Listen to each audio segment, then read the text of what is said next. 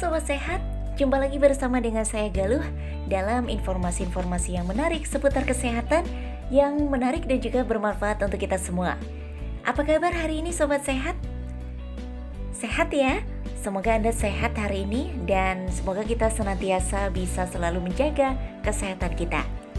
Nah, Galuh kembali hadir dengan informasi dan kali ini kita melanjutkan informasi yang kemarin nih Sobat Sehat tentang kelelahan akibat video conference. Oke Sobat Sehat, kali ini pembahasan kita bersumber dari Stanford University dan kemarin kita sudah singgung ya bahwasanya tak terasa kita telah memasuki dua tahun lamanya kita berdampingan dengan pandemi COVID-19. Wah, sudah lama ya sobat sehat. Tentunya banyak yang berubah. Salah satunya adalah masifnya penggunaan video konferensi untuk sekolah, untuk kuliah, ataupun untuk keperluan pekerjaan. Nah, kemarin sudah kita bahas juga bahwasanya bisa saja video konferensi yang kita pakai itu membuat memicu kelelahan pada diri kita. Nah, hari ini sobat sehat, kita akan membahas untuk penyebab pertama, yaitu kontak mata jarak dekat yang berlebihan sangat intens.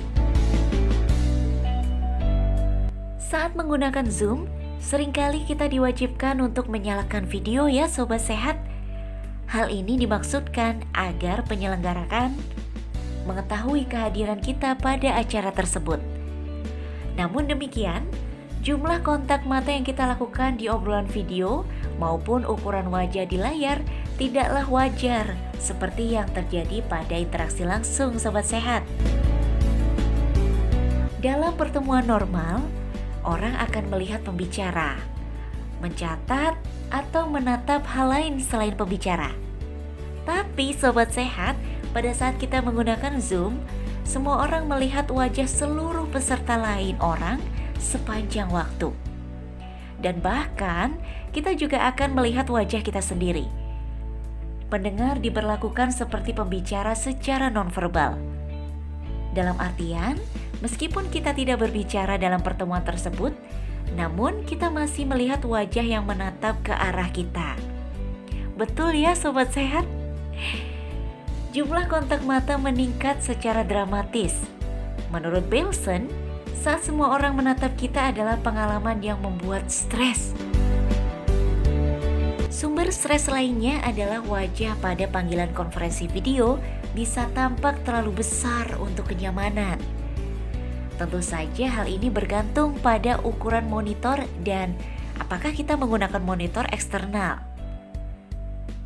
Secara umum, sobat sehat, jika ini adalah percakapan empat mata saat kita bersama rekan kerja atau bahkan orang asing di video, kita akan melihat wajah mereka dalam ukuran yang menyimulasikan ruang pribadi yang biasanya hanya dialami saat berinteraksi dengan seseorang secara dekat.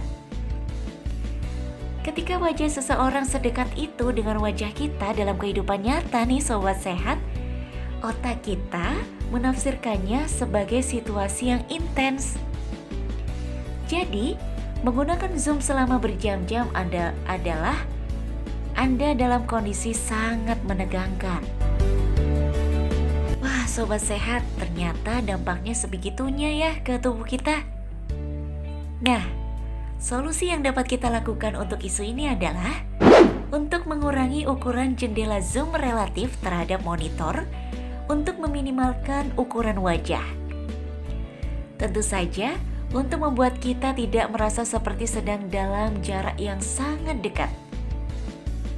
Kita juga bisa menggunakan keyboard eksternal untuk memungkinkan jarak yang lebih jauh dengan layar.